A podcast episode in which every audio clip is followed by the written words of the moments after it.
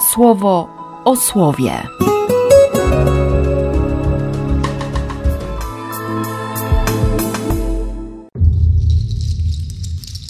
3 marca, środa. Z księgi Jeremiasza. A oni rzekli: Chodźcie, zawiążmy spisek przeciwko Jeremiaszowi, bo przecież nie zabraknie kapłanowi pouczeń, ani rad mędrcowi, ani też słowa prorokowi. Chodźcie, uderzmy go po twarzą, a usłyszymy wszystkie jego słowa. Usłysz mnie, panie, wysłuchaj głosu mojej obrony czy za dobro złem się odpłaca? A oni tu zmawiają się, nastając na me życie. W tajemnicy przede mną szykują moje potępienie. Wspomnij, jak stawałem przed Tobą, aby prosić o pomyślność dla nich i aby odwrócić od nich Twój gniew. Z Ewangelii według świętego Mateusza. Kiedy Jezus szedł do Jerozolimy, wziął osobno dwunastu uczniów i w drodze powiedział im: Oto idziemy do Jerozolimy. Tam syn człowieczy zostanie wydany arcykapłanom i uczonym w piśmie. Skażą go na śmierć, wydadzą poganom na szyderstwo, na ubiczowanie i ukrzyżowanie, ale trzeciego dnia zmartwychwstanie.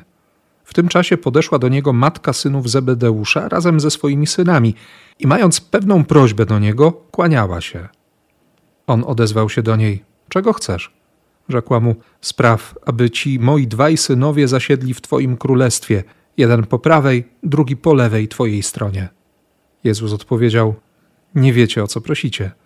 Czy potraficie wypić kielich, który ja mam pić? Odpowiedzieli mu: Potrafimy. Rzekł im: Kielich mój wypijecie, lecz przyznać siedzenie po mojej prawej i lewej stronie nie do mnie należy. Ono jest dla tych, którym przygotował je mój ojciec.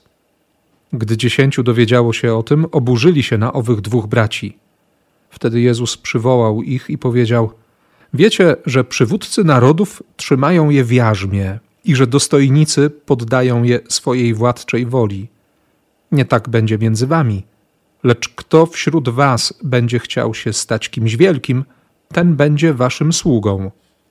A kto będzie chciał być pierwszym wśród was, będzie waszym niewolnikiem jak i syn człowieczy przyszedł nie aby być obsługiwanym, lecz aby służyć i oddać swoje życie jako okup za wielu. Piękna i trudna jest ta modlitwa Jeremiasza, szczególnie kiedy się weźmie cały osiemnasty rozdział. Przybyło słowo od Pana i rzekło: Wstań i idź do domu garncarza, usłyszysz tam moje słowa. To formowanie jakiegoś naczynia, i komentarz Boga: Czy nie mogę zrobić z wami tak jak garncarz? I potem od jedenastego wersu. Przeto ludziom Judy i mieszkańcom Jeruzalem powiedz tak. Oto ja lepiej już różne plagi dla was i obmyślam pewien plan przeciw wam. Niech zatem zejdzie każdy ze swojej złej drogi. Zmieńcie na właściwe wasze postępowanie. Lecz oni odpowiedzieli: Jesteśmy dorośli, i będziemy postępować według naszych upodobań. Każdy będzie robił to, co jest miłe jego zepsutemu sercu.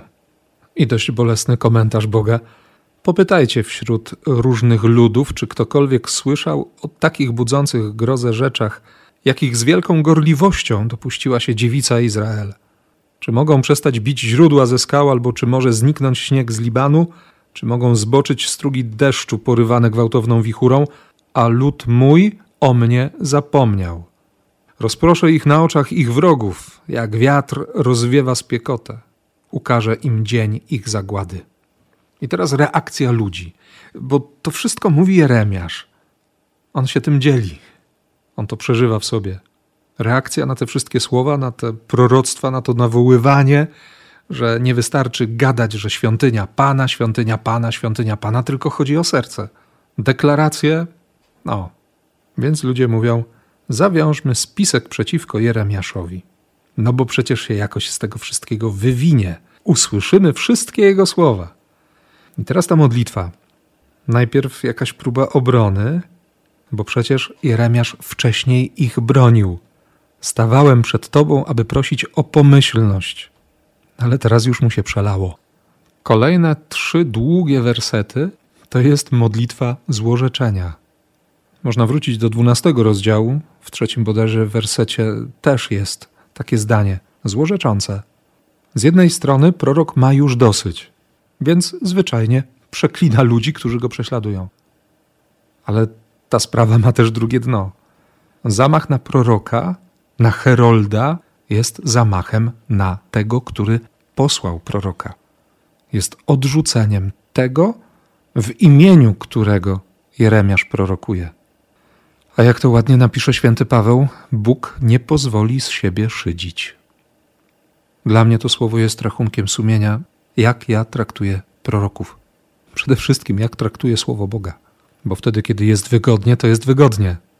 Ale kiedy słowo zaczyna wiercić dziurę w brzuchu, kiedy pokazuje, rzuca na twarz bez żadnego znieczulenia, że jest coś nie tak, że się mijamy, to by się chciało słowo uciszyć. Jeśli, jeśli Bóg wysyła mi siostrę lub brata, który mi prosto w oczy mówi, że się mijam ze słowem, to no nie da się ukryć. W przypadku księdza ta męska duma i męska nieomylność urastają do. Na szczęście z tego się spowiadam. I proszę Boga, żeby mnie uzdrawiał, żebym się nie wdrapywał na żadną katedrę Mojżesza po to, żeby patrzeć na innych z góry, tylko, tylko żeby jeszcze mocniej zadrzeć głowę ku niebu. I naprawdę, żeby prosić o pokorę. To tak prawie na marginesie. Ale myślę, że też możesz sobie zadać pytanie, jak traktujesz słowo Boga. Bo tak właśnie widzę całą drogę dzisiejszego słowa. Ewangelia, 20 rozdział redakcji Mateusza. Jezus idzie do Jeruzalem i daje im niesamowite słowo, to już trzeci raz. Zostanie wydany, skazany na śmierć, wyszydzony, ubiczowany, ukrzyżowany, trzeciego dnia zmartwychwstanie. I właśnie wtedy pięknie to tłumaczenie Biblii pierwszego kościoła mm, ujmie, podchodzi matka Jakuba i Jana razem ze swoimi synami i mając pewną prośbę do niego, kłaniała się. No przecież go chwycę za serce, coś se załatwię. No nie odmówi, no pokorny jestem. Czego chcesz? Nie wiecie, o co prosicie. Ta odwaga albo jakaś głupota Jakuba i Jana którzy twierdzą, że spokojnie potrafią wypić kielich, który Jezus ma wypić. Oczywiście tutaj chodzi o śmierć męczeńską. Przypomina mi te śpiewane czasami piosenki pobożne, ujmujące za serce, no w dobrej wierze. Tak mnie skrusz, tak mnie złam, tak mnie wypal, Panie, byś został tylko Ty. Uważaj na to, co mówisz. Uważaj, o co prosisz. Bo Bóg trzyma za słowo. I naprawdę On wie lepiej, czego potrzebuje, czego ja potrzebuję.